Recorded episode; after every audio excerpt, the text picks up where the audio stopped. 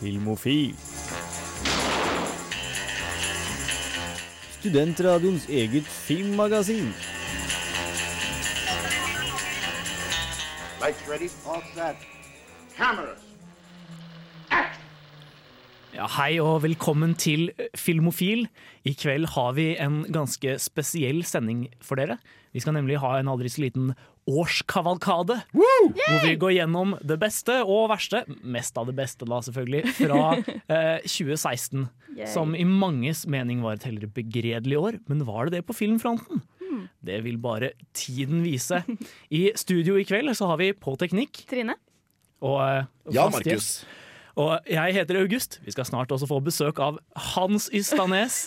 Eh, men nå skal dere få høre 'Oktober' av Kappekoff. I think it's over.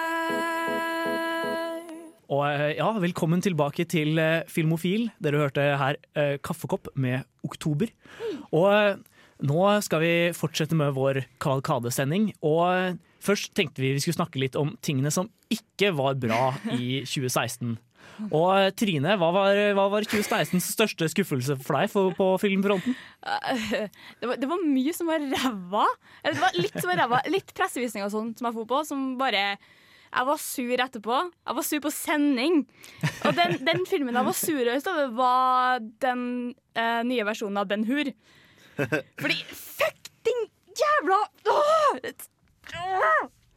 Den var, den var piss. Noe mista potensialet, kanskje? Veldig. Originalen er jo kjempebra, så hvis du liksom De prøvde å gjøre det Jeg spoiler bare slutten, for jeg gir faen. Ja. Eh, De, kun, de liksom prøvde å gjøre litt annerledes fra den originale, for i den originale så dør broren, jeg er ganske sikker på. Men i den nye versjonen så rir de sammen inn inn i solnedgangen med popmusikk i bakgrunnen. Oh yes! Alt blir så mye bedre med happy ending. Nei! Avslutte med et For det dansenummer! er liksom, det er liksom, han har gjort livet til den fyren der så jævlig gjennom hele filmen, og så plutselig bare Nei, alle skal, alle skal tilgi hverandre. Vi gir faen i at du var den jævla drittsekk. Bare øh. Vi bare gir det 40 år nå, så spiller de en Schindlers liste med lykkelig slutt. oh, gud. Og popmusikk. Ja, Schindlers liste har jo et sort of sånn tatt, tatt, tatt uh, uh, situasjonen ellers med betraktning. En relativt happy ending, da. Ja, jo, for så vidt. Sånn sett. Men, uh, men jeg, jeg så faktisk den originale versjonen av Ben Hur for første gang i Ja. jula. Og det, det Den er lang, ass. Den er lang. Den er veldig lang. Eh, men eh, jeg vet ikke om jeg syns den var sånn kjempebra, jeg. Nei, men Den er, den er episk, men den, den eh, er liksom bra for sin tid, tror jeg. Ja. Sin tidsperiode. den bærer preg av å være litt eh, 50-talls, Ja. for å den, si det, det, sånn, sånn. det sånn Jeg elsker sånne ting. Jeg, jeg har begynt å se på liksom Star, den, liksom, the original series av Star Trek. Det er veldig dårlig spesialeffekt av dem, men det er så magisk å se på. For jeg bare sånn Jeg vet at det der tar jævlig lang tid å gjøre. Ja, det er kanskje ikke spesialeffekten jeg var mest misfornøyd med, mer sånn skuespillerstilen og Ja. som var litt klein. Ja, ja. Men eh, Jan Markus, hadde du noen store skuffelser i år? Og i, i 2016 Ja, i fjor. Ja, eh, det, er, det var jo et kjipt år på mange måter, men det var jo også, i, i hvert fall i sammenligning med 2014 og 2015, synes jeg ikke det var et veldig sterkt filmår. Syns du ikke? Sånn all over. Nei, ikke, ikke Men det kan hende at det blekner litt i forhold til 15 og 14, som Eller- var veldig, veldig sterke. Jeg tror det, Den norske filmåret var ikke like bra som i USA, når de fikk liksom eh, Manchester by the Sea og La La Land før vi fikk Ja, det er sant. De fikk jo Det er mange, alltid sånn uh, at det er eh, mange som kommer på slutten av året. Og flere av mine favorittfilmer fra 2016 har jo kommet ut i 2015 Ja. i USA. Samme. Men en film som skuffet meg, eh, er 'Snowden', som eh, ble laget av Ja. Oliver Stone. Fordi han har jo laget litt sånn konspirasjonsfilmer før med liksom eh, JFK, og der endte det jo med at uh, de gjenåpnet etterforskningen av drapet på John F. Kennedy fordi folk var så har, liksom, i harnisk fordi uh, han rett og slett traff noen strenger da som folk Ja. stilte seg kritisk til. Er det sannheten vi har blitt fortalt? Og jeg har sett Citizen 4 i 2015, tror jeg. Uh, som er da en dokumentar om Edward Snowden. Og her lager de da en spillefilm med Jawson, uh, Joseph. Joseph Gordon-Lewitt i hovedrollen. som skal prøve å fortelle hele hans biografiske liv og denne hendelsen som vi også ser i dokumentaren. Og jeg synes ikke den innfrir. Jeg synes rett og slett den ikke klarer å være spennende nok. Og det er Jeg føler rett og slett det er poten- potensialet som er tapt. Så der igjen, eh, som jeg sa da jeg anmeldte denne filmen, er jo at ikke gidd å se den hvis ikke du har sett Citizen 4, fordi Citizen 4 er dokumentaren med faktisk Edward Snowden som er så mye bedre. Så blir det litt sånn det samme som The Walk, da. Med samme skuespiller. Med Ja, jeg, jeg har han inntrykk som av det. skal gå over Ja, ja nettopp. Ja, ja. Det, er, ja, det er en veldig god sammenligning, faktisk. Hvor uh, de har en eh, dokumentar basert på det, og de har en spillefilm basert på det. Og dokumentaren er overlegen. Og Joseph Gordon-Lewitt er i begge. Ja, det, jeg skjønner veldig godt hva du, hva du mener der. Og altså, JFK er jo en sabla bra film. Den føles ut som den var lagd nylig. Og du tror på det, virkelig. Ja, ikke sant? Men eh, nå skal vi snart bevege oss videre til, eh, til både mer dårlige ting og bra ting her på Kavalkaden til Filmofil. Ja, her hørte dere Toy Savoy med 'Morning'. Og eh, nå på Filmofil skal vi fortsette å snakke litt om ting vi ikke likte så godt i 2016. Ja, for August, hva var det du ikke likte? Ja, Største skuffelsen for min del i år var nok eh, en film veldig mange likte kjempegodt. Nemlig Captain America Civil War. Ja. Og det var ikke fordi det var en ræva film, det var bare fordi den jeg vet ikke, den hadde fått så gode anmeldelser, og traileren så temmelig lovende ut. Og så kom jeg dit, og jeg brydde meg ikke i det hele tatt. Den er liksom bland. Ja, den er rett og slett skikkelig bland. Den har, den har, ikke, noe, den har ikke noe motstand i seg, da. Uh, og liksom ja, de, de eh, alle, alle snakker om hvordan den eh, flyplassekvensen er liksom det beste som har skjedd av action på årevis, men det står jo ikke noe på spill. Hvem snakker om det? Eh, Veldig mange. Ja, veldig mange, Folk. faktisk. Ja, for det, Ja. det, det er superheltfilmmessig så er det en veldig bra uh, fightscene. Men liksom bare koreografien av det. Ikke, ikke selve fighten, men bare fight-koreografien. Ja. Og så Måten, måten karakterene samarbeider på og sånn, ja, og tenker så du? får, og så får du se en gigantisk Ant-Man. Ja. Men det er liksom Jeg òg, etter det, dere forbanna skryteanmeldelsen min, host, host, eh, så begynte jeg å tenke litt på filmen, og den, den er ikke Den var ikke Det var, det var Spiderman som gjorde den for meg, Ja, det, er for- mer eller mindre. det er eh, det det er også en film hvor på en måte, karakterenes motivasjon bare aldri gir mening. Ja. Eh, for eksempel, altså, Captain America er jo bare dust Ja, gjennom hele det filmen. kan vi jo være helt enige om. Uh, hvordan, han er litt sånn Nei, men Hva om, hva om uh, FN sier at vi ikke får lov til å gå inn et sted hvor vi må gå inn? Dem, kanskje FN har et poeng av og til? Vet jeg. Og jeg er jo helt enig i det du sier også. Det er jo mange ting jeg stiller meg veldig veldig kritisk til i den filmen.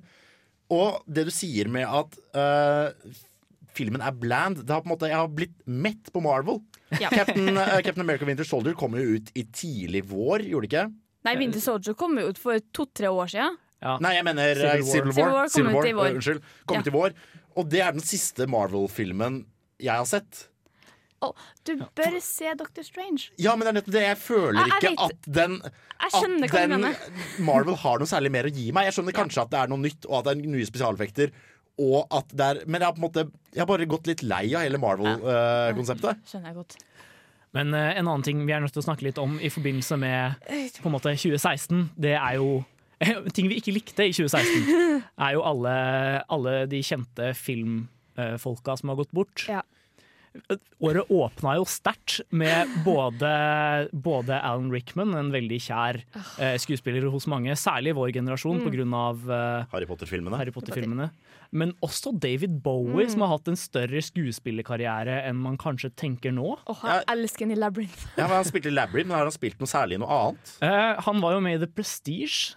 Det, Ja, det er sant! Han har jo den kjempecameoen i Prestige som Nikola Ja. Tesla. Ja, han har også spilt i en ganske Eller han spilte også hovedrollen i The Man Who Fell to Earth på 80-tallet. Og, og en, Tony, en debuten til Tony Scott, tror jeg faktisk. Eh, så han, han har vært involvert i ganske mye rart. Og ja, året avslutta jo også på en heller dyster Å, oh, gud. Eh, kan Da- jeg Ja, Eh, jeg, har, jeg har seriøst grenet i flere uker. Jeg får fortsatt ikke til å stoppe. Jeg har lyst til å grine nå. Men det var bare uh, Carrie Fisher fikk jo hjerteinfarkt på turen fra London til LA. Kjent fra Star Wars. Ja, kjent fra Star Wars, og veldig feministisk dame. Hun, er- hun var dritkul. Uh, så sa sa hun liksom det, hun er stabil, det går fint. Et par dager etter så bare, bare Hun er død. og dagen etterpå så dør mora Debbie Reynolds av slag. Noe som er øh, det gjør vondt. It Ja. Den, hun døde faktisk mens jeg så Rogue One. Det er veldig rart. Det, Så- er- det er flere som Det var har. liksom eh, Ja, nei, bare jeg, så, Filmen var ferdig, og så sjekka jeg nyhetene. Oi! Skulle du sett? Snakker om sola, liksom. Det er liksom, mora Du kan på en måte si at du døde av et liksom, a broken heart. Og det er så Det, ah, Det høres i hvert fall poetisk ut. Sant. Ja, det er kanskje noe i det. Men eh, nå må vi videre i sendinga. Her får dere Hanne Kolstø med stein slash saks. Klarer ikke få Ja, vi, eh, nå er vi ferdig med ting fra 2016 vi ikke likte, Yes! og skal bevege oss over til de bra tingene. Eh, og måten vi har, eh, har eh, gjort dette på, er at alle har lagd hver sin topp ti-liste. Som jeg har satt sammen, men jeg har ikke enda røpt resultatet for de andre. Så følelsene dere får høre her i studio i kveld, de er helt genuine. Og jeg er veldig spent. Ja, samme. Ja, jeg satt og koste meg skikkelig i går og lagde min egen poengskala og alt mulig. Så, um, så dette jeg, jeg jeg er ganske fornøyd med, med sluttresultatet, faktisk. Eh, men vi tenkte vi skulle begynne med en aldri så liten honorable mentions-seksjon, eller hederlig omtale. oi, hvor oi, oi. jeg skal røpe den, den høyest plasserte filmen på listene til Trine og Jan Markus som ikke kom med på hovedlista. Og din, da. Og min egen, selvfølgelig. Men eh, jeg tenker vi begynner med deg, Jan Markus. Ja. Og den høyest plasserte filmen på din liste som ikke kom med på hovedlista, var The Survivalist. Den så jeg vel egentlig Ja. komme. Jeg vurderte så mye å ha den på lista, men jeg klarte ikke. Nei, for jeg hadde vel egentlig gjetta at du ikke kom til å ha den på din topp Du, ti-liste. den, ligger, den ligger og vipper på tiendeplass. For det er, det er en film jeg likte kjempegodt. Jeg plasserte vel den på min nummer fire eller fem. Eh, Og det er en sånn apokalypsefilm som uten å forklare hva det er som har skjedd, så har rett og slett bare menneskeheten dødd av i hopetall, og det er krig om ressursene. Og vi møter da en fyr langt ute i den britiske skogen. Uh, og til, i motsetning til f.eks. The Road, som er veldig, veldig grå og veldig trist. Det er kanskje den gråeste filmen jeg har sett i hele mitt liv Det er sant, altså. så er uh, The Survivalist ekstremt mørk og grå og dyster i tematikk, men Ja. visuelt er den kjempepen. Og den er nydelig. Med Ja. bruken av lys og natur og alt sammen. Ja, og ikke Uten å spoile for mye, så er det jo også et snev av håp der. I motsetning til i The Road, hvor du på en måte Hvem kan dø sist? Eh, jeg, jeg jeg var også veldig nærme å ta med The Survivalist på lista mi. Den var helt klart på min topp 15. Ah, Um, men eh, den, den ble så vidt uh, dulta ut av, av de andre på lista. Men uh, veldig verdig honorable mention, det, altså. I høyeste grad. Fy faen. Og, eh, men, eh, men Trine, ja. filmen du hadde plassert høyest, som ikke kom med, Mm. var dessverre Room. ja, jeg tenkte meg det. jeg jeg hadde den med så høy for at jeg ville prate om den. For at, vet du hva, den, fil den, den filmen gjorde så mye med meg, og det er, det, jeg tror det er litt sånn nostalgi som ligger der, for det er den første anmeldelsen jeg fikk ut på dusken.no. Fordi uh, Brie Larson og Jacob Tremblay i den filmen, det bare Mm. Jeg får ikke forklare hva den handler om noe mer. Fordi Nei. Men den er, jeg er helt enig i at den eh, absolutt eh, Den kunne også havna på min topp ti-liste hvis jeg hadde husket at den kom ut i 2016. For den kom jo så tidlig at jeg Ja. tenkte, plasserte den i mitt hode i 2015. Men det er derfor, for at jeg anmeldte den, så jeg, Mm. jeg var jo inne og sjekka liksom, anmeldelsene mine. OK, den ligger der. Greit, fint. Men det er en film It som works. er ekstremt bra og kjempeemosjonell. Og bare vakker i sin tolkning av på en måte det å være menneske og slippe ut. Og eh, kanskje det beste barneskuespillet jeg har sett i en film noensinne. Jo. Ja. Ja, eh, jeg, jeg likte også filmen, men det var et eller annet med den som ikke traff meg sånn, eh, så hardt som den burde gjøre. Uh, og jeg jeg er helt enig i at liksom Brie Larson hadde en veldig velf altså det var en velfortjent Oscar Ja. hun fikk for den rolletolkningen. Uh, og altså, Jacob Twombly er ikke, er ikke dårlig, han heller. Nei. Eh, men det, jeg vet ikke, helt, det, var, et eller annet med den som bare ikke, ikke traff meg så hardt som det burde. Jeg tror det var morsinstinktet mitt da, som plutselig bare Hei, jeg skal være her! Ja, ja. Nei, men jeg, jeg, jeg forstår veldig godt hvorfor eh, folk velger å ha den med på en liste. Altså. Det, er, det er en eh, god film. Men uh, vi må bevege oss videre. Vi har flere uh, hederlig omtale å snakke om. Uh, men før vi får flere godsaker, skal vi høre 'Witness' av Mikael Paskalev. Ja, og eh, her i Filmofil så snakker vi om det beste fra året som har vært på filmfronten. Og eh, den eh, ja, høyest plasserte filmen på min liste, som ikke kom med på hovedlista vår, det var Carol. Åh, Det er en uh, film som det var åpningsfilm på Kosmorama Ja. i vår, uh, og kom Åh. på norske kinoer rundt påske. Og det handler om ja, et lesbisk par på 50-tallet, Mm. med Kate Blanchett og Rooney Mara i hovedrollene. Og det er rett og slett en utrolig vakker og utrolig rørende film. Jeg, jeg var ja, den, er, den er så stilfull, samtidig som den er så utrolig sånn, kraftig på et følelsesmessig plan. Vant ikke den Oscar for beste kostyme? Den, eh, jo, jeg mener den vant, eh, den vant noen Oscar. Jeg husker ikke helt hva det var for i farta, men det, kan, det gir mening, altså. For Mm. kostymene der er helt vanvittig bra. Musikken er også fantastisk. det var, det var like før jeg putta den på lista sjøl, men jeg putta inn en annen Kosmorama-film. Ja. Jeg putta, jeg putta. Nei, men, uh, Carol var jo Den, uh, den eh, var jo i, uh, i Cannes-festivalen i 2015. Og gjorde det veldig stort der. Der vant den også beste kvinnelige hovedrolle. Gikk vel til, til Rooney Mara under den festivalen. Oh, Så den er- nydelig. Ja, veldig, veldig stille, stille tolkning. Oh, Eh, men ikke, ikke noe mindre sterk av den grunn. Så eh, nei, jeg er varm anbefaling til alle Ja. cineastene der ute. Se den, Ja, sånn serr. ja, men, ja, men den er virkelig liksom gjennomarbeida den, er- den er på en måte Den er gjennomarbeida og bra på alle områder. Da. Ja. Det er ingen svakheter ved den.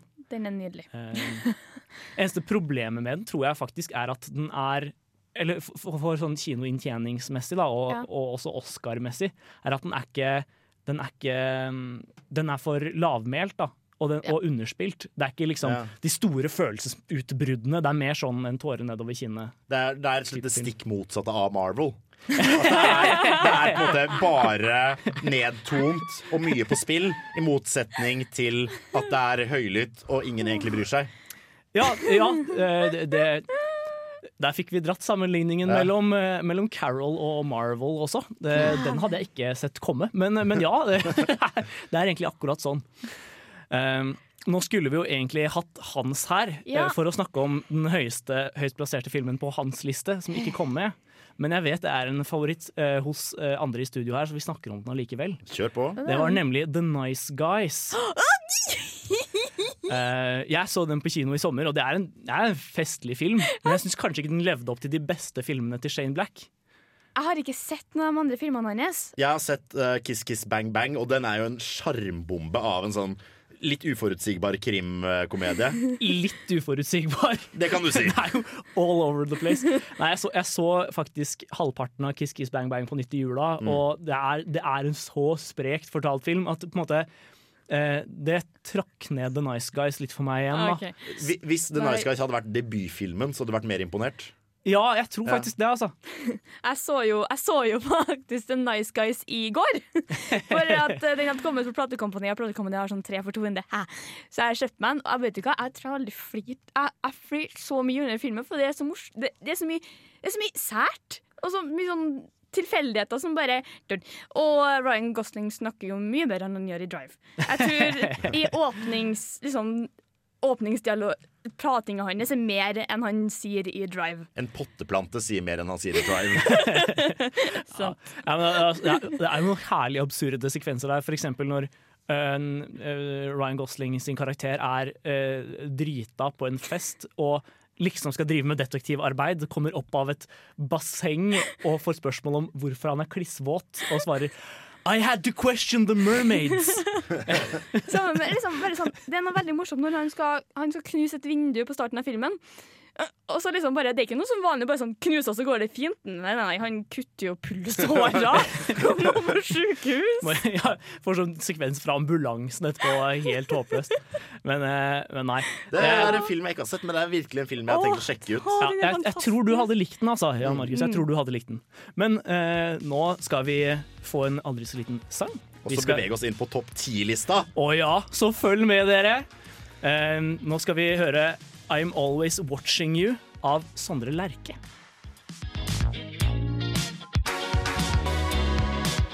Ja, Der hørte dere Sondre Lerche med I'm Always Watching You. Og her i Filmofil i kveld så har vi jo kavalkadesending, hvor vi nå skal kåre de beste filmene fra 2016. Faen. Og eh, nå har vi fått med fjerdemann i studio. Halle. Velkommen, Hans Ystanes. Tusen hjertelig takk. Og jeg tenker vi hopper rett til eh, niendeplass, for den er delt mellom to filmer. Oi. Så det er ingen tiendeplass. Ah, Fy faen, skulle ha trodd? Ja. fy Nei, disse filmene hadde, eh, hadde på en måte samme plasseringer på eh, to forskjellige lister, eh, og endte derfor opp med helt lik poengsum. Og eh, de to filmene er Spotlight og American Honey. Så jeg tenker vi først snakker litt om eh, Spotlight. Ja, Spotlight er jo historien om pedofiliavsløringene i den katolske kirke gjort av eh, Boston Globe i Boston eh, i 2001. Og det er med han godeste fyren fra Michael Keaton? Michael? Michael Keaton. Uh, og Mark han, Ruffalo, Rachel McAdams. hele den gjengen der. uh, og det er rett og slett en kjempebra og kjempelærerik eh, film hvor du sitter og Hvis ikke du har hørt om denne historien fra før av, så sitter du oppriktig og er skikkelig engasjert.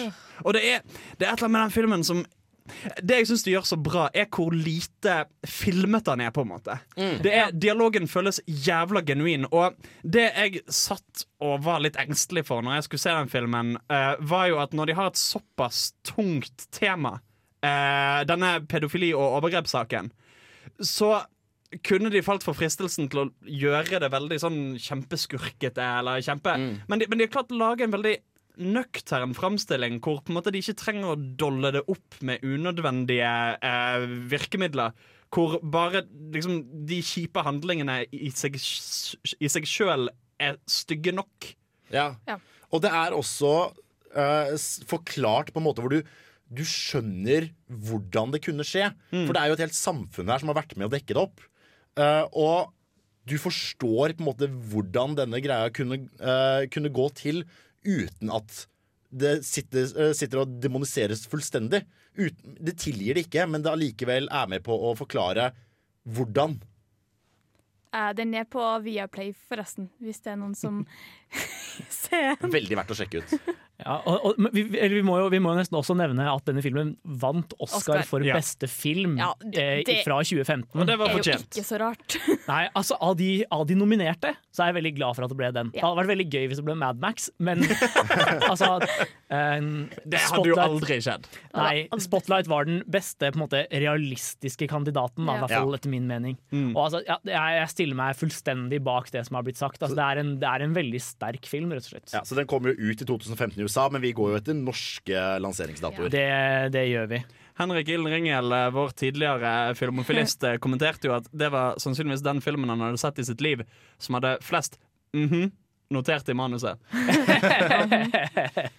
Og den talen Mark Ruffalo der som alltid får meg til å grine, og det gjør så vondt. It hurts. Men som sagt er jo denne niendeplassen delt mellom to filmer, og vi må jo nesten snakke litt om American Honey også. Eh, jeg og Trine var og så den i høst, eh, og det er en, det er en veldig pussig liten film, egentlig. Men den er utrolig vakker å se på også. Er. Og Shia LaBeouf er fantastisk. en, en, en setning jeg er ikke det jeg skulle si. Så, Nei, ikke sant? Hvem, hvem skulle trodd? Hva, hva er det for en film? Jeg har aldri hørt noe om den egentlig i det hele tatt. Nei, eh, filmen handler om en jente ved navn Star i eh, en amerikansk sørstat Ja. som blir plukka opp med en buss eh, hvor annet eh, Shia LaBeouf er fast inventar, Jobb. som kjører rundt til forskjellige byer og prøver å selge magasin, eller selge abonnementer på sånne blader for å tjene til eh, livets opphold. Og det hand, filmen er egentlig bare liksom en skildring av deres reise rundt. Og det er, det er rett og slett skikkelig vakkert. Det handler mer om menneskene enn det gjør om noe annet. Ja, ikke sant? Det er litt godt å se.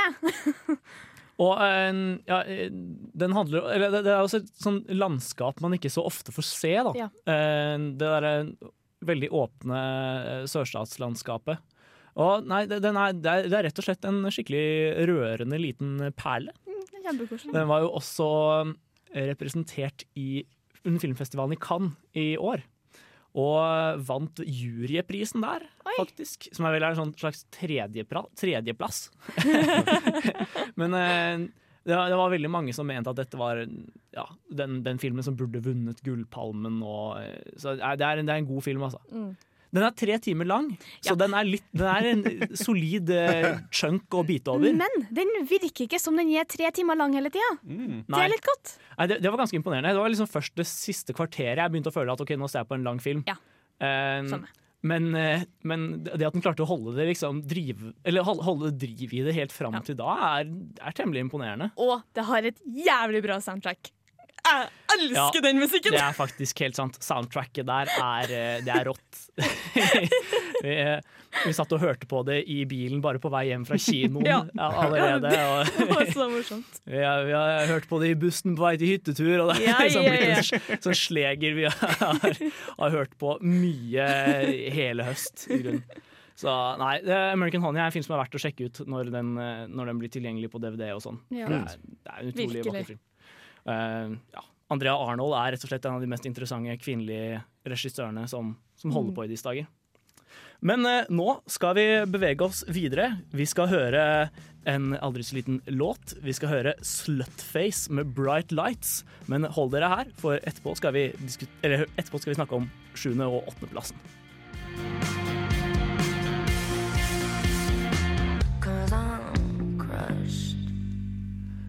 Ja, velkommen tilbake til Filmofils kåring av 2016s beste filmer. Hey! Eh, Nå skal vi snakke om sjuende- og åttendeplass. Og det de to filmene har til felles, er at de kun dukket opp på én liste hver. Oi. Men de hadde høy nok plassering til å snike seg inn på list, eh, sluttresultatet. Wow. Og den første filmen det er snakk om, det er hans sin andreplass, 'Swiss Army Man'. Å, men den var så bra! Jeg syns det er veldig bra at den jeg synes det er veldig gøy at de får snakka om den, selv om det ikke var på min eh, toppliste. For det, det, er, jo- det er jo kanskje årets morsomste film. Det er årets gøyeste film. Og den er så Altså, det er de nå, Jeg husker aldri hva de heter. De Daniel to Radcliffe. Han husker jeg hva heter. Jeg tenkte på regissørparet som sto bak. Ah. Um, de har lagd masse gøy. De lagde musikkvideoen til Turn Down For What, som er en fantastisk artig musikkvideo. Uh, de har lagd en rekke kortfilmer som ligger ute på Er det Vimeo han heter? Den, uh, Ja. ja. I hvert fall. De har lagd veldig veldig mye gøy, og felles for alt sammen er at de tar veldig Veldig rare utgangspunkt. Altså, altså De finner en eller annen snål metafor de syns er litt artig, og så lar de den gå til de ekstreme ytterpunktene ved seg. Og det gjør de òg med Swiss Army Man. Altså, denne filmen som handler om en fyr som blir skipbrudden. eh, og er klar for å ta sitt eget liv før han plutselig finner et lik som har skylt i land. Og det får han til liksom bare Jeg kanskje skal vente litt med å henge meg sjøl. Kanskje skal gå bort og se hva som er greiene. Og det liket eh, våkner halvveis til live igjen. Som en litt sånn forvirret person som ikke helt vet hvordan ting fungerer. Er ikke helt i stand til å bevege seg på egen hånd, men kan brukes da med at eh, han eh, hovedpersonen manipulerer deler av kroppen hans til at f.eks.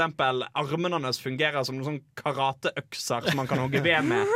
Eh, det, produseres gass i denne kroppen, så med å manipulere det, så klarer han å lage en slags jetbåt med prompen i liket. Og dette høres jævla absurd og snålt ut, og det er det òg, men det funker så bra i filmen. Og på bunnen av alt sammen så ligger det en veldig hjertefølt metafor om det å bli kjent med seg sjøl, de løgnene en forteller seg sjøl, hva som egentlig gjør livet verdt å leve, hva ligger i kjærlighet. Ja, ja. Eh, Altså, åpnings... Eller uh, opening creditsene der. Når Paul Dano sin karakter uh, på en måte kjører Daniel Radcliffe som en uh, jetski av promp inn mot land. Altså, det, er, det er så herlig absurd. Og altså, det, er, det er mye prompehumor, men det, det betyr ikke egentlig at filmen er barnslig. For den, den altså, som, som han sier, er, den har utrolig sånn skråblikk på samfunnet, egentlig. Den er, den er skikkelig rørende i bunn og grunn. Og det føles så naturlig og fint. Altså fordi my Mye av konseptet her er jo at Daniel Radcliffe ikke husker noe særlig fra sitt tidligere liv. Han er basically en blank slate som må lære seg på nytt alt om kroppen sin og hvordan mennesker fungerer. Og så får han jo en ereksjon, da.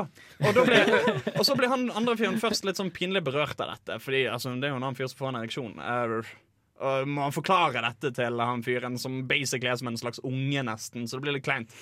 Men så etter hvert så blir det Ja, men det er jo bare kropp, på en måte. til syvende og sist, i, liksom, i en litt sånn håpløs situasjon, så må vi jo leve med at dette er kroppen til folk, og sånn gjør alle. Sånn er det med prompingen òg. Altså, det begynner som litt sånn comic relief, men etter hvert så blir det så normalisert. For det er jo bare fising. Det er jo bare en kroppsfunksjon. Ja, hvem har ikke prompa før, liksom?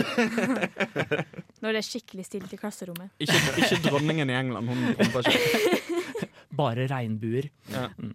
Nei, eh, den andre filmen, eller filmen som da endte på sjuendeplass, eh, det var, det var min førsteplass. Så jeg syns jo det er litt trist. Eh, bare var jeg som hadde med den. Men jeg mistenker at det er fordi få har sett den. Det er en film som heter Mustang. Å, jeg hørt om den! Nei, for den kom på kino i vår. Den var en veldig liten film fra en debutregissør. Hadde åpnet under Cannes, men vant til gjengjeld det, det sideprogrammet den stilte i der. Og den handler om eh, fem søstre i et veldig sånn strengt tradisjonelt bygdesamfunn i Tyrkia. Som eh, har levd en ganske sånn eh, frigjort oppvekst, eller frigjort barndom. Eh, men idet de begynner å komme i tenårene, eh, så blir de observert på en strand hvor de sitter på nakken til noen gutter de, de kjenner. Og det blir jo sett på som eh, på en måte ja, at, Synd. Ja. å lokke dem med sitt kjønn. Ikke sant? De sitter der og gnikker skrittet sitt mot nakkene deres. Hvordan kan de gjøre sånn? Og plutselig, over natta, da, blir huset deres på en måte forvandla fra et sånn fritt barndomshjem til en slags sånn konefabrikk. da. Oi. Og det som gjør at filmen fungerer, er at dynamikken mellom de fem jentene altså de er, de er litt av et funn. ass. For de har så god kjemi. Det var jo sånn at De brukte kjempelang tid på settet med å bare liksom ligge der og kose med hverandre. For de gjør så mye av det i filmen også, at det på en måte var på sin plass. Og du, når du ser den, så kjøper du at de er søstre. da.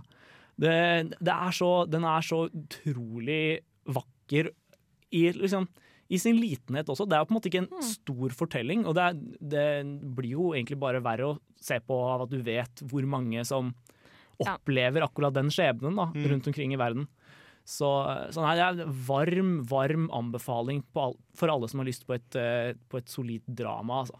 Eh, Den eh, Ja. kommer sikkert på eh, DVD og strømmetjenester ganske snart. Tenker Den fikk eh, mer oppmerksomhet enn Eller den fikk ganske mye oppmerksomhet da, til en så film, liten film å være. Ja, I og med at den høstet priser, så er det jo kanskje naturlig. Ja, ikke sant? Debutfilm fra en kvinnelig fransk eh, regissør. Så jeg, den er, jeg er veldig spent på hva vi kan vente oss av henne fremover. Altså.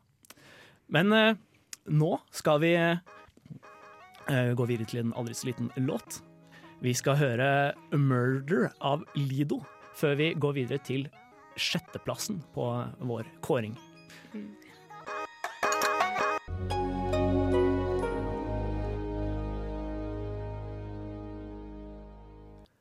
Der hørte du Lido med 'Merger'. Og nå skal vi bevege oss videre til sjetteplassen på Filmofils liste over 2016s beste filmer. Jeg er oppriktig spent. Ja, Sjetteplassen den gikk til eh, The Hateful Eight. Ja. Yay! Eh, det var Tarantinos Ja. nye film som kom rett over nyåret. Jeg glemte at den kom, altså. jeg hadde ikke med på lista mi. Det er jo enda en film Ja. som hadde lansering i USA i 2015, men kom 6. eller 8. januar i Norge. Så det var så vidt det var. Ja. 2016. Nei, det var, det var 8. faktisk. Jeg husker det veldig godt, for jeg var i Oslo på 60 millimeter, nei, 70 millimeter-visningen på Hadde det bare der. vært en huskeregel for hvilken dato Hateful Eight kom på? Ja, nei, hvem skulle trodd? Nei, men den eh, Altså, det er, en, det er en film som er episk i uttrykk, og altså, det å se den i 70 millimeter gjorde det på en måte til en litt sånn ekstra greie. Oh, så misunnelig. Og det er jo uh, veldig gøy, fordi uh, Tarantino har på en måte de siste filmene hans har på en måte bare blitt større og større. og større Ja. Uh, Med på en måte Inglorious Bastards og på en måte hele verden står på spill. Til nå at det er åtte folk i en hytte eh, under en snøstorm.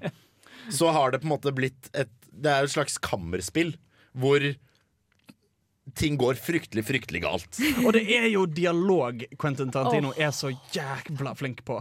Både å skrive og regissere. Og denne filmen er jo basically bare dialog. Ja. Det er bare spenning mellom alle karakterene. Hvem syns hva om hvem, hvem tror hva om hvem.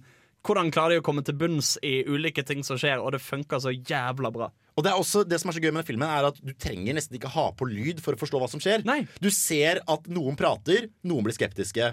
Noen prater, så flytter de seg på hver sin side av hytta, og så sier noen noe, og så ser du plutselig blir han utstøtt og flytter seg til andre siden av hytta, og så ser du på en måte bare dynamikken i hvor de plasserer seg i rommet, og reaksjonene og på hva som kommer frem av informasjon, for det kommer mer og mer og mer, eh, forteller en helt historie i seg selv. Bare åpninga syns jeg er kjempebra. Liksom Når de ankom hytta, og liksom hver gang folk skal inn, bare sånn You have to bolt the door shut! You have to bolt the door shut! Jo, men ikke bare, ikke bare den delen av åpningen, men også den Ja. dialogsekvensen mellom eh, Samuel L. Jackson oh. og uh, Kurt- Kurt Russell? i, i den eh, kjerra. Ja. oh. På veien inn. Altså, det, det er få som klarer å gjøre en så streit dialogscene så spennende å se Mm. på. Ja. Um, men jeg tror det handler mye om at altså, Man kan si hva man vil om røyking, men det ser sykt bra ut på film. Når du får liksom røyk som danser rundt i bildet, det er, det er rett og slett pent å se på. En annen ting som bør nevnes når vi snakker om åpningen, er jo at Quentin Tarantino har jo hatt en tradisjon for å ikke lage egen musikk til filmene sine. Eh, han har pleid å bare lage basically spillelister av musikk han syns er kul og passer til filmene. Og fått det veldig godt til. Og fått det veldig, Ja, ja, veldig bra til. Det er jævla Ja, kule soundtrack. Men her har han jo blåst støv av selveste Ennio Morricone. Og han vant Ja. en Oscar for Ja, det. men, og det er så fortjent! Ja, fy. Fordi fy faen for et soundtrack filmen. Ja, og, og Apropos Ennio Morricone, altså filmen føles jo som en blanding av The Thing og Ja. The Good, The Band, The Ugly. Visst faen. Det, det, du har liksom tatt en sånn westernsetting med, med eh, westernmusikk. Mm. det, er jo, det er jo det Ennio Morricone er kjent for. De der temaene sine og sånne ting. Det han gjør som er jævla kult òg, er at han har en Altså Han har en sånn evne til å ta et par steg tilbake fra veldig mye tradisjonell skulle jeg si, filmmusikk i, eh, med tanke på instrumentasjon.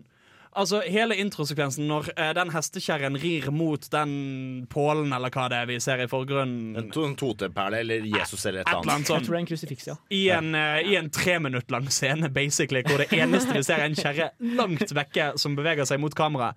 Så er det et tema som blir prese presentert av fagott. Det er faen meg ingen som gjør.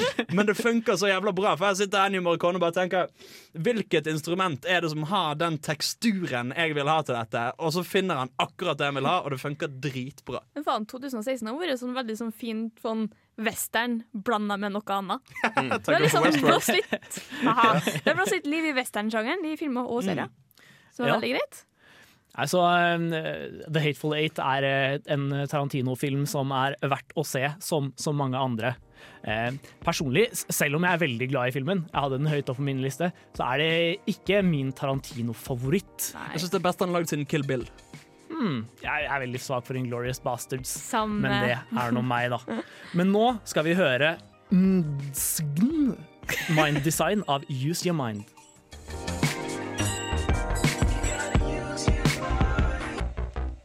Ja, og I motsetning til hva jeg sa i stad, så var dette Use Your Mind av Mind Design. Eh, men nå videre til femteplassen på lista vår over 2016s beste filmer. Og den plassen går til sannsynligvis årets jævligste film å se på. Eh, Son of Soul. Ja! Den så jeg ikke. Son of Soul er eh, en film jeg faktisk så på en date. Ja, det, st- ja, det stemmer! Stemmer det? Eh, og det, da kjente vi hverandre ganske godt. Da, så det, var jo, det gikk jo for så vidt fint. Uh, og vi var jo begge klar over at det var en holocaust-film. Men det var en ekstremt bra film, og veldig virkningsfull fordi den forteller en historie gjennom at du vet hva som skjer fra før av.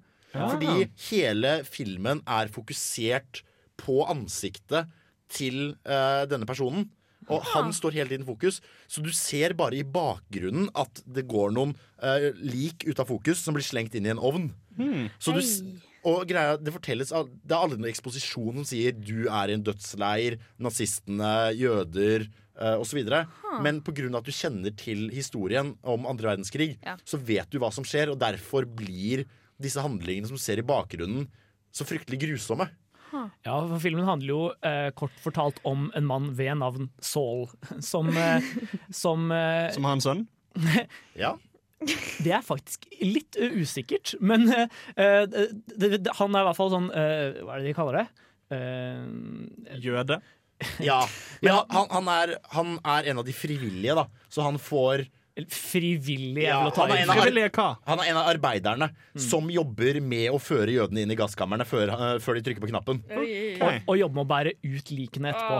Um. Uh, og filmen settes på en måte i gang med at han hevder han finner sin egen sønn i denne haugen med lik. Og resten er egentlig bare fortellingen om hvordan han prøver å få til en verdig begravelse for sønnen sin.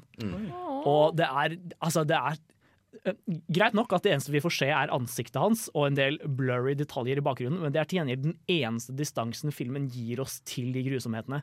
I for eksempel eh, Schindlers liste, da, Ja. så handler det jo på en måte om de som faktisk overlevde. Og i La Vita e Bella, den, der, den italienske, eh, Ja. så handler det på en måte om han som prøver å skjerme sønnen sin fra alle Ja. forferdelighetene.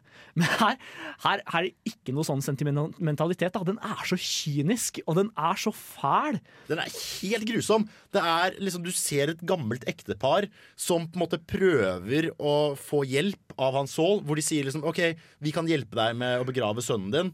Uh, og så ender det med at kona blir skutt, og han mannen bare står og ser på og klarer ikke fortsette, og så dør han også. Og det var liksom Oi, der forsvant han ene rabbien som skulle, rabbinen som skulle hjelpe meg å begrave sønnen min. Hva gjør jeg nå? Ja. Nei, og, og, nei, altså det, det, det, det kanskje mest imponerende med filmen er at den ble laget av en debutregissør. Eh, Laszlo Nemes. Han vant med rette Oscar for beste uh, ikke-engelskspråklige film i, i fjor. Og nei, men altså det, at, at den filmen er laget av en debutregissør, det er, det er kanskje det mest Modig, vil jeg si. Ja! ja For den er så utradisjonell. ja. Nei, det, det er noe med det begrepet at de bare liksom stapper kameraet opp i ansiktet hans, og så bare eh, stoler den på at publikum vet, eller kjenner historien godt nok til at de får med seg hva som skjer, og det gjør man jo selvfølgelig. Nei, det er, det er rett og slett et imponerende stykke filmarbeid. Da. Foto, fotoarbeidet også er faktisk skikkelig bra. Det er, det, det er på en måte eh, i hvert fall Enkelte sekvenser er på en måte vakre i all elendigheten også. Og det er også en film som er så kynisk i at den, den forteller rett ut Håp og det å være snill er ikke nok. Er du uheldig, så blir du skutt. Og om du, om du kaster folk foran toget, og om du har litt flaks, så er det du som overlever, ikke de som er gode og håpefulle og gjør det rette. Jeg kan aldri se den filmen der. Jeg kommer til å ligge i fosterstilling. Hører jeg. Nei, for dette, er, dette er ikke en trist film, dette er en deprimerende film. Ja, Derfor kommer jeg til å ligge i fosterstilling i flere uker. Og på, på den tonen så skal vi få Marinius med sangen Rest, eh, låta 'Restate Your Mind'. Jeg synes virkelig vi skal, vi skal ta samle hele Filmofil, få tak i Son of Soul på Blu-ray og gjøre en helaften ut av det. Da må folk kose på meg hele filmen. Og det, det her ordner vi. Det her Kanskje vi skal skal se Common Sea i samme slengen. Ja, ja. Oh ja, kos oss. Å, herregud. Ah, hold, hold dere her, for vi skal snart også få fjerdeplass på lista.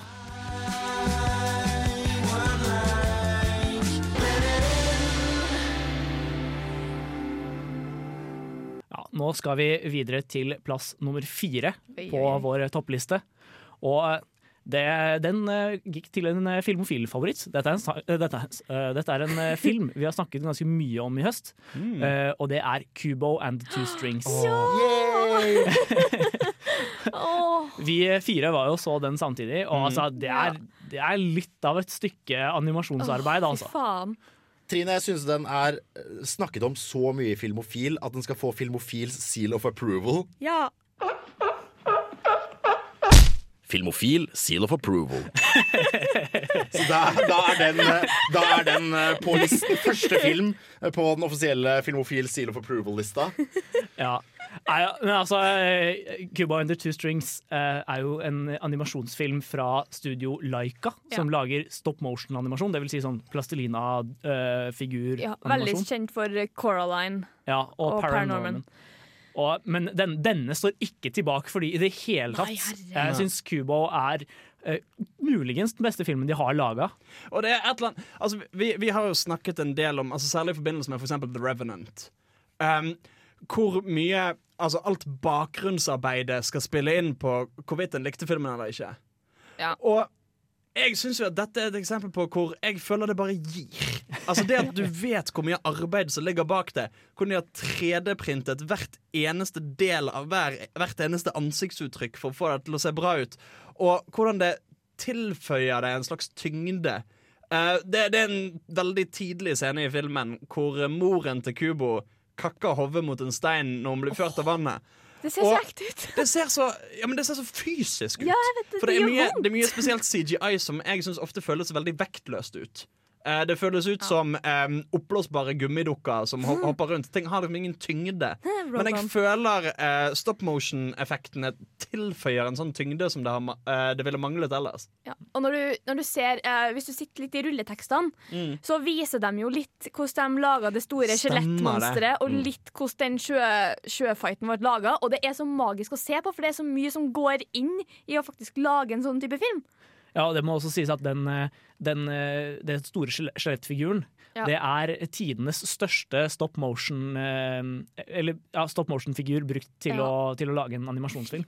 Oi. Det er, men det skjønner man jo. Altså, den er jo Mm. Er gigantisk. større enn liksom, dette rommet. Og i tillegg til å være ekstremt god animasjon, så er det også en god historie. Ja. Som har veldig mange elementer av liksom hjertevarme, humor, trist eh, og også noen skikkelig kule actionscener. Ja. Mm.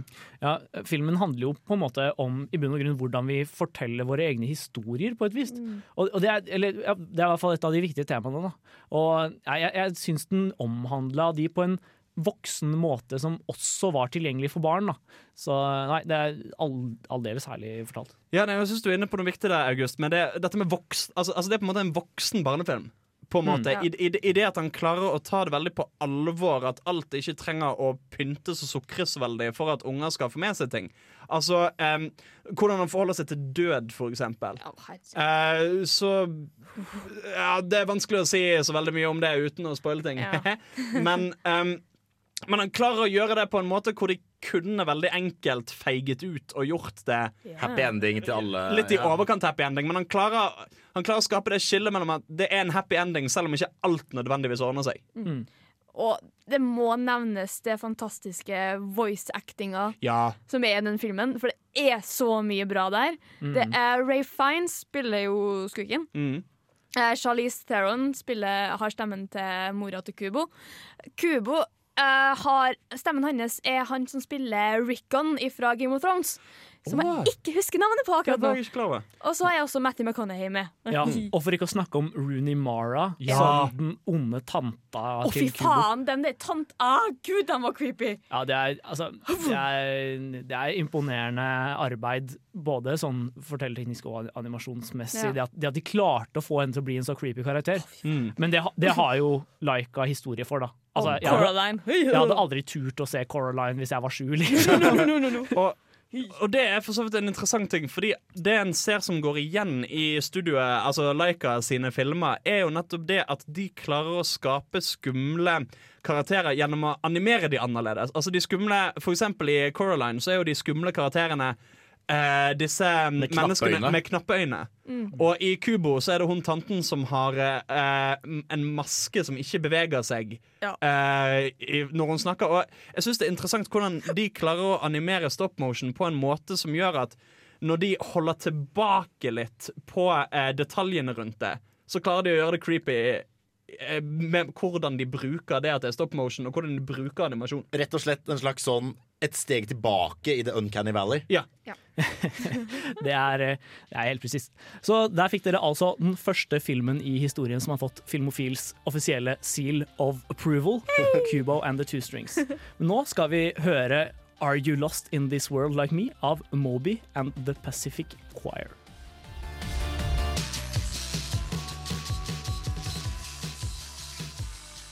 Ja, og eh, her på Filmofil så kårer vi eh, 2016s beste filmer, og nå har vi kommet så langt som til plass nummer tre. Bronsemedalje. Ja, her er vi på pallen, dere. Og der finner vi selveste Hell or High Water. Ja. Trine, du ga jo den en ganske positiv anmeldelse tidligere i høst. Jeg gjorde jo det, men den er jo kjempebra. Jeg har møtt folk som bare sånn Jeg ser ikke hvorfor den her er så bra. Jeg, bare, jeg, klarer, ikke, jeg klarer faktisk ikke å sette finger på hvorfor jeg er så glad i den.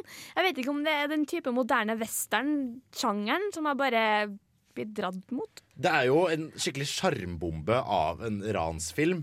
Hvor du har på en måte Du har jo to bankranere som du bare ikke klarer å la være å forelske deg i. Å, Chris Pine, Chris Pine. Og så er det også den filmen Jeg har sagt til andre at hvis du vil skjønne hvorfor Trump vant valget, yeah. Se se, Hell or High Water, for det kan forklare det mye bedre enn noen politisk analyse enn noensinne har hørt. Det er en film som skildrer litt, sånn døende og foreldet uh, Midtvest-USA. Ja. Eh, og hvor folk er litt desperate og trenger en eller annen forandring og trenger noe for å overleve. Og liksom er litt lei av alt det etablerte, som banker og sånne ting. Så det er sånn, Hvis du har sett American Honey og ikke har sett Hello High Water og elsker American Honey, så er det noenlunde det samme. Fordi den er i Midtvesten, den òg, og viser litt sånn Bare sånn for throwback til American Honey.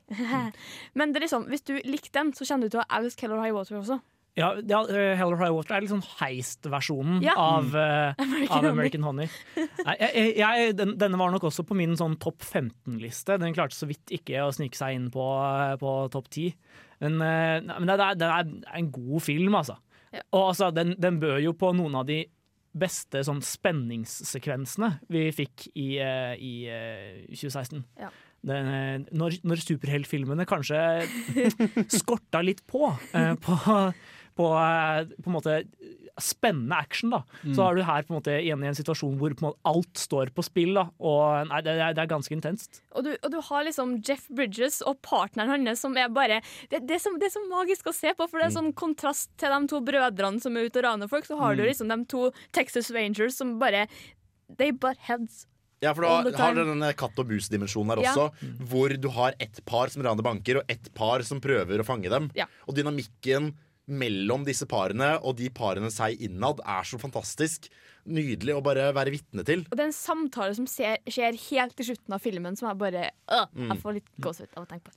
Og så er det, det, en, det er bare én ting som plager meg med den filmen. Og det er Chris Pines er for kjekk. Han er for kjekk til å være eh, oppvokst i Midtvesten i en litt fattig familie og være broren til en litt sånn eh, skjeggete fyr med måne. Ja, men han, bare, han fikk bare alle de gode genene.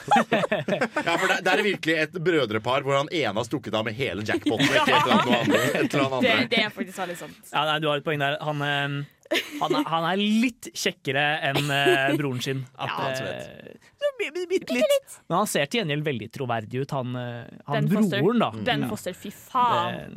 Det er ikke til å komme bort fra. Nei, så det er en, det er en sleger, den også. Ja. Eh, nå skal vi høre Temples med 'Certainty'.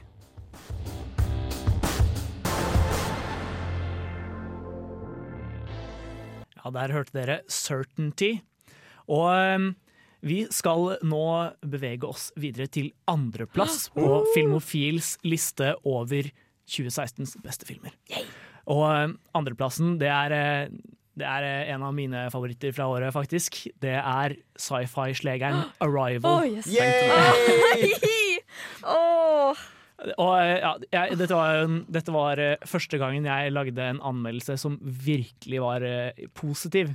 Ja. Jeg var jo på en del eh, pressevisninger i løpet av høsten, men uh, Slik de nye seg hør og bør. Ja. Tråkle Ja. seg gjennom gjørma før de får lov til å anmelde noe gøy. Ja. Ikke sant? Og um, den første filmen jeg så, var temmelig dårlig. Og de, de neste filmene jeg så, var helt OK.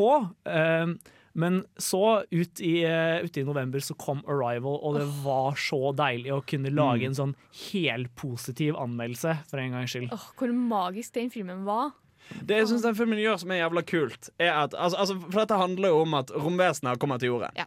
Og eh, lander i noen sånne svære peanøttformede skip som egentlig bare meg. ja, Som basically bare står der. Og så, ja, ok Og så åpner det seg en dør, og så kan de gå inn, og så må de lære seg å snakke med romvesenet. Og det er basically hele filmen. Eh, at de lærer seg å forstå romvesenet. Og det som, det som jeg syns er kult med det, er at jeg, jeg, jeg føler veldig mange filmer hvor det er romvesener som kommer til jorden, så er det enten begynner vi å slåss med en gang fordi romvesenene er onde. Eller så har romvesenene gode hensikter, men vi menneskene er så kjipe at det blir krig med en gang. Ja. Men her er det et tilfelle at romvesenet er chille til å begynne med. Og fortsetter å være chille, selv om eh, det skjer litt ting etter hvert som kanskje ville fått eh, kjipere romvesener til å klikke. Og det er så god, det er så god um, story. Det er, så, Mm. det er så god behandling av historien. Fordi du får sånn intersplicer inni der scener med Amy Adams som du ikke helt vet hvor du skal plassere før relativt på slutten av filmen. Ja, Og det, er så, det er så godt å liksom ha en film som faktisk utforsker litt det der Hvordan skal vi faktisk Fortelle en historie, rett Ja, og slett. og liksom stole på at publikum faktisk kan tenke seg fram til ting sjøl. For, For en sitere, skyld. for å sitere en i klassa mi som kom, eh, kom på lesesal her om dagen, og han nettopp hadde sett uh, Arrival. Og han var jævlig Inception, ass. Eh, men, men nei, den, den, den føyer seg jo inn i en tradisjon med litt sånn derre tenke-sci-fi. mm. eh, som vi har sett litt av i det siste. Vi fikk jo nylig, nylig Interstellar. Eh, som på en måte må sies å være samme sjanger. Men det som veldig ofte blir problemet med de filmene, er at de på en måte du begynner veldig bra, og så mot slutten så går de over i sånn der latterlig sentimentalt territorium og blir veldig, veldig kleine. Ja. Men Arrival klarte på en måte å, å, å omgås det ved å liksom Ja, greit nok, den gikk inn i sentimentalt territorium, men så funka det så bra. Ja, det gjør det. Du, jeg, jeg, på en måte, jeg lot på en måte bruddene med vitenskapen eh, bare, de, de kunne jeg bare lett se, overse, bare fordi følelsene de Ja. fikk utforska, var så interessante og så hjerteskjærende. Og jeg synes det er En viktig distinksjon der er jo at jeg føler mange filmer når de prøver å få den emosjonelle tyngden, så er det så sykt at de forteller oss 'Dette er kjempetrist, OK? Nå skal du være trist'. Mens her er det istedenfor sier ikke filmen det, men du sitter og føler det fordi at du har fått all info informasjonen du trenger for å sitte og tenke 'Oi, dette ble trist'. Og også for meg som liker liksom det nære og litt gritty og realistiske, så er det en film som er veldig jordnær. Det er, jeg er helt overbevist om at hvis en sånn kjempestor utenomjordisk lakrisbåt hadde landa, så hadde det gått frem omtrent akkurat sånn som de gjør i filmen. Eh, og du, du sitter med en forestilling om at dette her er virkelig, selv om det er helt borti natta fjernt. Det spørs om det er Trump eller ikke, da. Ja, Å, faen. Det her er rett og slett kvalitets-sci-fi for hele familien. Ja. Jeg møtte ei dame i jula også, ei venninne av mamma, som sa det at Oi, den her, eller Arrival var en film som fikk meg til å skjønne at jeg kan gå på kino igjen. Åh, så bra! Fordi den tilbyr liksom noe man ikke har sett så mye av, da. Men uh, nå skal vi høre Frances and the Lights med See Her Out, etterfulgt av Papa med Comfort's a Killer.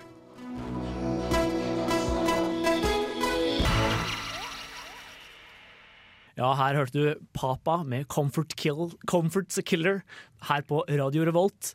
Og her i Filmofil i kveld så kårer vi eh, fjorårets beste kinofilmer. Yay. Og nå har vi kommet til selveste førsteplassen. Å, dæven. Fy faen. Og den går til The Neon Demon. Hey!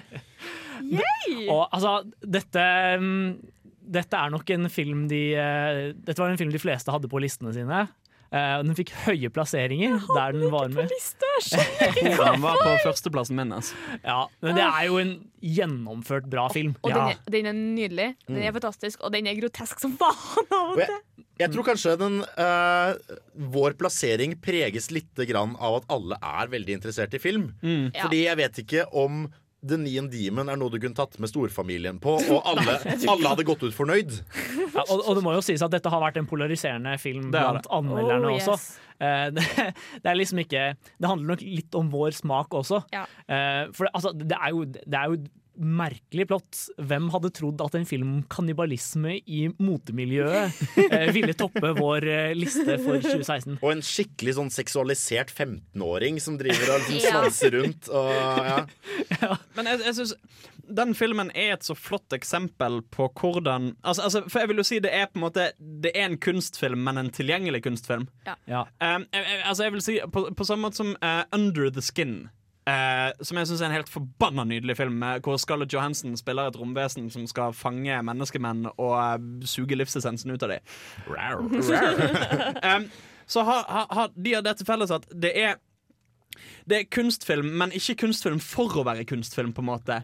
Det, det, det, det er film som har et, et sammensurium av metaforer som bygger opp under en større mening og budskap, hvor en ikke nødvendigvis trenger å sitte og gjelanalysere det mens en ser det, men bare kan la det synke innover seg eh, etter hvert som en forstår det, nærmest, nærmest sånn fysisk heller enn eh, tankemessig. Ja, og det er jo noe han regissøren er veldig flink til. Kan Mm. hjelpe meg med navnet hans? Nicolas Winning Grøff. Ja, han er jo forbanna danske. Ja. Men det er liksom Forrige uh, Drive Mm. er en av mine favorittfilmer sånn ever.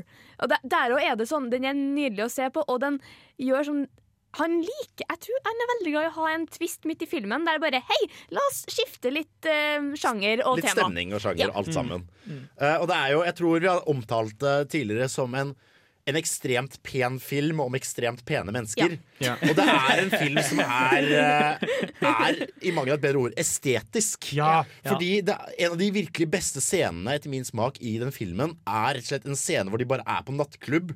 Og bare bruken av Ja. lys hvor Ja. det blinker. Det skjer ingenting i den scenen. Hadde de fjerna den scenen fra filmen, så hadde de kanskje uh, mista litt grann sånn dynamikk mellom karakterene. Men ingenting av plottet hadde blitt borte.